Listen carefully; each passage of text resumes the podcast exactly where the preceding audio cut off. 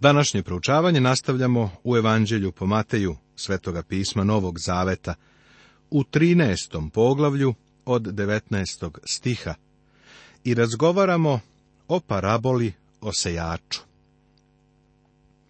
Ovaj odaljak se nalazi neposredno pre nego što je gospod poslao svoje učenike izgubljenim ovcama doma Izraeljeva.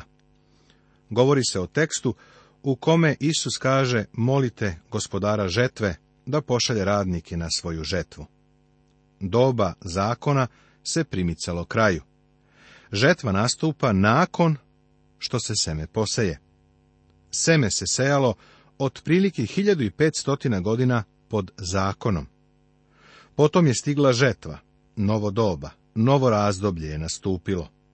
Na kraju jednog doba je žetva, a na početku drugog doba je sejanje semena. Ali ja želim da istaknem to da je žetva na kraju jednog doba sud. U nekim od priče koje slede ovo ćemo videti.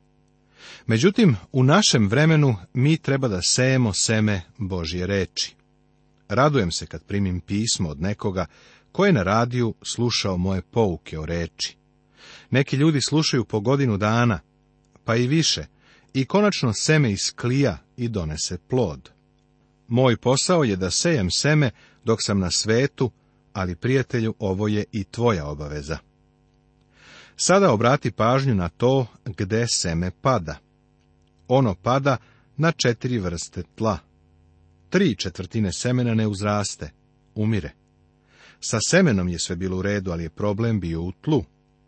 Možeš da se raspravljaš o ovome, ali u ovim pričama je pokazano mnogo slobodne volje. Stanje tla je ono što je značajno, barem što se tiče semena. Hajde da sada pogledamo gospodnje tumačenje vrsta tla na koje je palo seme. U stihu četvrtom on kaže da je neko seme palo pored puta, pa su ptice došle i pozobale ga. U stihu 19 on objašnjava učenicima šta to znači. Svakome koji sluša reč o carstvu, a ne razume, dolazi zli i otima što je posejano u njegovom srcu. To je kraj puta. Ptice predstavljaju zloga. Đavo odnosi seme koje je posejano pored puta. Ovo je nešto zbog čega svaki član crkve treba da ispita svoje srce. Prijatelju, ne primenjuje ovo na drugoga, već na sebe. Neko je napisao bistru pesmicu koja ovako kaže. Kada dođeš u nebo, verovatno ćeš vidjeti mnoge ljude tamo koji će za tebe biti šok.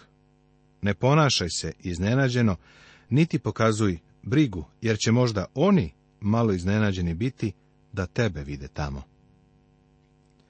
Tlo pored puta očigledno predstavlja članove crkve, one koji ispovedaju da su hrišćani. Oni su čuli Božju reč, ali to nije bilo sa verom reč se nije izmešala sa verom. Ili, čak i ako jeste, to je bila samo formalna, intelektualna vera, koja samo klima glavom. Drugim rečima, za ljude kao što su ovi, hrišćanstvo je nešto usputno. Pripadnost crkvi je kao pripadnost loži ili klubu. Ovi ljudi su duboko smrznuti.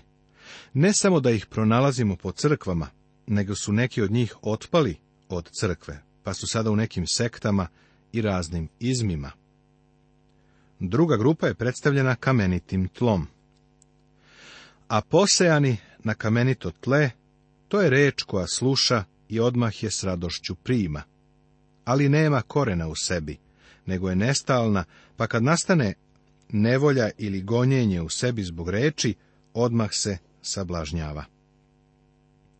Ljudi ovog kamenitog tla su suprotni prvoj grupi. Od slušalaca pored puta đavo je oduzimao seme, ali u ovoj grupi telo je krivac. Umesto da su duboko smrznuti, ovi su urerni, topli, emotivni, liju suze, duboko su ganuti. Oni su, koje ja nazivam, soda bikarbona hrišćanima. U njima je mnogo komešanja. Za vreme službe prave toliko galame koliko i raketa pri lansiranju, ali nikada ne stignu do orbite. U toku posebnih sastanaka puni su žara i energije, ali su nakon završetka bogosluženja kao sveće koje dogore. Pre dosta godina stajao sam skroz pozadi na kraju kompozicije voza. Putovao sam negde. Neko je jedan papir pobacao po šinama. Kada je voz projurio, Papir je odletao u uvis u svim pravcima. Čim je voz prošao, papir je pao na šine i uskoro je opet bio nepokretan. Dok sam gledao unazad ka papiru koji je tamo ležao, pomislio sam. Ovo je poput onih takozvanih hrišćana. Kada su na nekom senzacionalnom sastanku baš se oduševe, ali nemaju pravo zajedništvo sa Hristom. To je samo emotivni uzlet. Oni su ljudi kamenitog tla. Treća grupa slušalaca je poput trnovitog tla.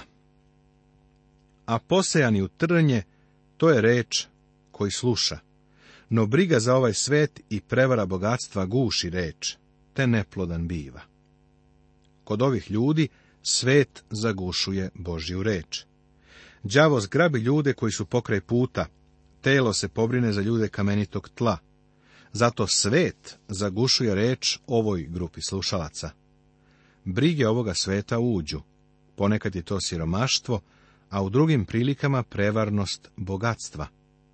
Vrlo je zanimljivo da ljudi sa oba kraja socijalnog statusa, i ekstremno siromašni i ekstremno bogati, jesu ljudi koje je najteže zadobiti za Hrista. Otkrio sam da je jako mnogo ljudi dozvolilo da brige ovoga sveta zaguše Božju reč. Ove tri vrste tla ne predstavljaju tri vrste vernika. Ovo uopšte nisu vernici. Oni su čuli reč i samo su kazali da je primaju. Prijatelju, dobro je da svi mi proverimo i vidimo da li stvarno jesmo ili nismo u veri. Hvala Bogu, neko seme je palo i na dobro tlo i gospod ovo tumači umjesto nas. A posejani na dobru zemlju to je koji sluša reč i razume, koji i rod rađa i donosi, jedan po stotinu, drugi po šestdeset, a treći po trideset. Ovo su oni koji slušaju i primaju reč i razumeju je. Neki od njih ne donesu mnogo ploda, samo trećinu, ali neki donesu sto posto. Reč se mora razumeti. Etiopljanski dvoranin je, sećaš se, čitao reč, ali je nije razumeo. Iako je želeo da je razume. Zato je duh Boži tamo poslao Filipa kao autostopera. Filip je krenuo na put sa Etiopljaninom i dao mu kartu za nebo. Objasnio mu je reč da onaj koji je odveden na zaklanje kao ovca jeste bio gospod Isus Hristos, da je on ranjen za naše prestupe i izbijen za naša bezakonja. Etiopljanin je uzverovao i prihvatio Hrista. Filip je sejao reč Božiju. Ovo je situacija carstva nebeskog, koja otkriva da je sejač gospod Isus Hristos, koji seje seme reči Božije u svetu, a da je duh sveti koristi i primenjuje u srcu onih koji žele da poveruju. I kada je gospod ispričao priču o sejaču, rekao je nešto vrlo zanimljivo. Ko ima uši, neka sluša. Pa, ako sa obe strane glave imamo ono što se zove ušima, zar možemo da ga ne čujemo? Da, ali zapazi pitanje i njegov odgovor. I pristupiše učenici i rekoše mu, zašto im govoriš u pričama? Neko je rekao da je parabola zemaljsko kazivanje sa nebeskim značenjem. Ovo je dobra definicija. Reč parabola potiče od grčke reči parabole. Staviš nešto pored nekog predmeta da bi ga izmerio. Na primjer, staviš lenjir pored stola da ga izmeriš. Taj lenjir je parabola. Stavljen je radi merenja. Gospod nam je dao parabole da bismo izmerili nebesku istinu koju on iznosi pred nas.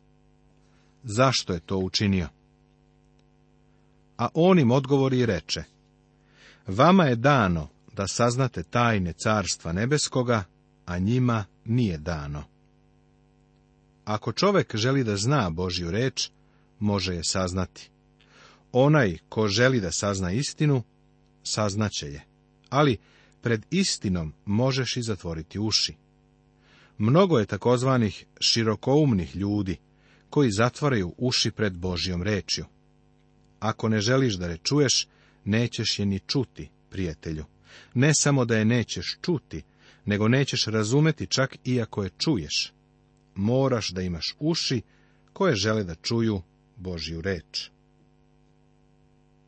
Jer koji ima, daće mu se i obilovaće, a koji nema, uzeće mu se i ono što ima. Ako znaš malo istine, a želiš da saznaš više, gospod će ti dodati. Ako ne želiš da saznaš istinu, gospod će se postarati da je ne dobiješ. Vidiš, gospod nikada neće zatvoriti vrata onome ko želi da čuje. On vrlo jasno pokazuje da je to razlog zbog koga on govori u pričama. Oni koji ne žele da čuju, neće ih ni razumeti. Gospod je svoje priče izvlačio iz uobičajenih stvari koje su bile pri ruci tadašnjem narodu. Dao im je velike duhovne istine i ilustrovao ih onim što su znali i videli. Neko je taj koncept ovako sažeo. Govorio je o travi, vetru i kiši, o drvetu smokvi i lepom vremenu. Radovao se tome da sjedini nebo i zemlju. Govorio je o ljiljanima, vinovoj lozi i žitu, o vrapcu i gavranu. Reči tako obične, a tako mudre, bile su ugravirane na srcima ljudi. U paraboli o sejaču vidimo ono što se može nazvati stanjem carstva nebeskog. Odnosno, priča pokazuje sadašnju Božju vladavinu nad celom zemljom, dok poziva ljude ka svome imenu. Bog danas svoj program sprovodi kroz crkvu, kroz pozvano telo sačinjeno od svih iskrenih vernika. Tako, današnje stanje nebeskog carstva je to da Bog svoj program sprovodi tako što dovodi ljude do spasavajućeg saznanja o Hristu. Priča o kukolju Drugu im priču izloži govoreći Carstvo nebesko je slično čoveku koji je posejao dobro seme na svojoj njivi. U ovoj paraboli gospod nastavlja tamo gdje je stao u priči o sejaču. Rekao nam je da je samo jedna četvrtina posejanog semena pala na dobro tle. Ostale tri četvrtine nikada ništa nisu donele, jer ljudi koji su čuli reč nisu odgovorili na nju. Drugim rečima, nisu bili spaseni od ljudi koji su čuli reč Božiju, samo je jedna četvrtina bila stvarno spasena. Iskreno govoreći, u moje službi sam video da je taj procenat čak i manji. Ako samo jedan od desetoro kojima uputim poziv da prihvati Hrista, iskreno odgovori na njega, smatram da je moj prosek dobar. Drugi hrišćanski radnici mi isto govore. Član jednog tima, vrlo istaknutog evangeliste, Kazao mi je da se samo 3% zainteresovanih ljudi mogu smatrati pravim obraćenicima. Tako vidiš, naš prosek nije naročito dobar, ali zahvaljujemo Bogu za svaku osobu koja dođe Hristu. Nalazimo se u situaciji Carstva Nebeskog. Širimo Božju reč i to je ono što joj se dešava. Ali sada vidimo još nešto u vezi sa stanjem Carstva Nebeskog danas u svetu. To je slika čoveka koji je na svom polju sejao dobro seme. Ali, kada su ljudi spavali, dođe njegov neprijatelj i poseja kukolj sred pšenice i ode. Zapazi, ko spava? Dok su ljudi spavali, došao je neprijatelj. Seti se, sejač je gospod, a on niti drema, niti spava. Sotona je neprijatelj i on među žitom se je kukolj. Kukolj je lažna nauka. Danas je mnogo takvog sejanja. A kada usev izniče i rod donese, tada se pokaza i kukolj. Kada žito i kukolj počnu da rastu, teško je razlikovati šta je šta. Iskreno govoreći, mnogo sekti i kultova na početku deluje tako zdravo i dobro ne možeš ih ispravno oceniti sve do neke 12. 13. lekcije. To su one lekcije u kojima oni iznose lažnu nauku. Neko mi je jednom rekao, doktor Megi, ne bi trebalo da kritikujete toga i toga. Slušao sam ga i on je propovedao evanđelje. Da, on propoveda evanđelje kako onda, tako i sada. Ali neke druge stvari o kojima govori su pogrešne. Vidiš, on se je i kukolj, među žito. Sada ćemo vidjeti da je sejač znao ko je odgovoran za kukolj. A domaćinove sluge pristupiše i rekoše mu, gospodaru, zar nisi posejao dobro seme na svojoj njivi? Otkuda dakle kukolj? A on im reče, neprijatelj je to učinio. Sluge mu pak regoše, hoćeš li dakle da odemo i da ga saberemo? A on im reče, ne, da ne biste skupljujući kukolj iščupali zajedno sa njim i pšenicu. Ostavite nega oboje rastu zajedno do žetve. I u vreme žetve reći ću žeteocima. Skupite prvo kukolj i svežite ga u snopove da se spali, a pšenicu snesite u moju žitnicu. Ovo je vrlo značajna slika koju treba sagledati i protumačiti. Naš gospod kaže, ne trudite se da iščupate kukolj. Neka oboje raste zajedno. Kad na kraju uzrastu, vidjet ćemo šta je žito, a šta je kukolj. Neko dođe kod mene i kaže, Pastore Megi, da li misliš da svet postaje bolji? Odgovorim da mislim da svet postaje sve bolji. Neko drugi me upita, misliš li da se svet pogoršava? Ja mu kažem, Smatram da svet postaje sve gori. A neko treći, ko je čuo oba odgovora, kaže, šta pokušavaš da uradiš? Zar si neodlučan? Ne liči na tebe da želiš da udovoljiš svima. Tako je, ali u stvari obojice su u pravu. Raste žito, a raste i kukolj. Svet postaje bolji, žito raste. Nikada pre nije bilo tako mnogo biblijskog učenja kao danas. Zahvalan sam Bogu za to, i tako je mnogo divnih, svetih Božih ljudi koji vole njegovu reč i koji bi umrli braneći je. To žito, prijatelju, raste. Ali svet se i pogoršava. Mnogo kukolja raste. Dugo sam bio pastir.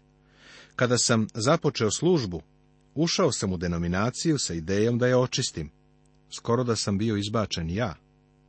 Otkrio sam da sam ne mogu da ispravim moju denominaciju. Bio sam zahvalan kada sam u ovom odeljku i u odeljcima srodnim njemu otkrio da je moj posao da propovedam Božju reč. Više ne idem unaokolo da čupam kukolj, jer sam uvideo da kada čupaš kukolj, onda iščupaš i nešto žita. Ali sada znam da moj posao više nije da čupam kukolj, nego da sejem žito. Sejanje reči Božije je moja odgovornost. U ovome svetu rastu i žito i kukolj. To su prilike carstva nebeskog u hrišćanskom svetu u tom intervalu otkad je Hristos odbačen, pa do njegovog povratka da uspostavi svoje carstvo na ovoj zemlji. Ovo nije slika Hristove crkve. Pa reći ćeš, ovo je svakako slika organizovane crkve. To je istina, ali organizovana crkva nije njegova crkva. Njegova crkva je sačinjena od onog nevidljivog broja svetih ljudi. Kada kažem nevidljivog, mislim da oni nisu ograničeni samo na jednu organizaciju.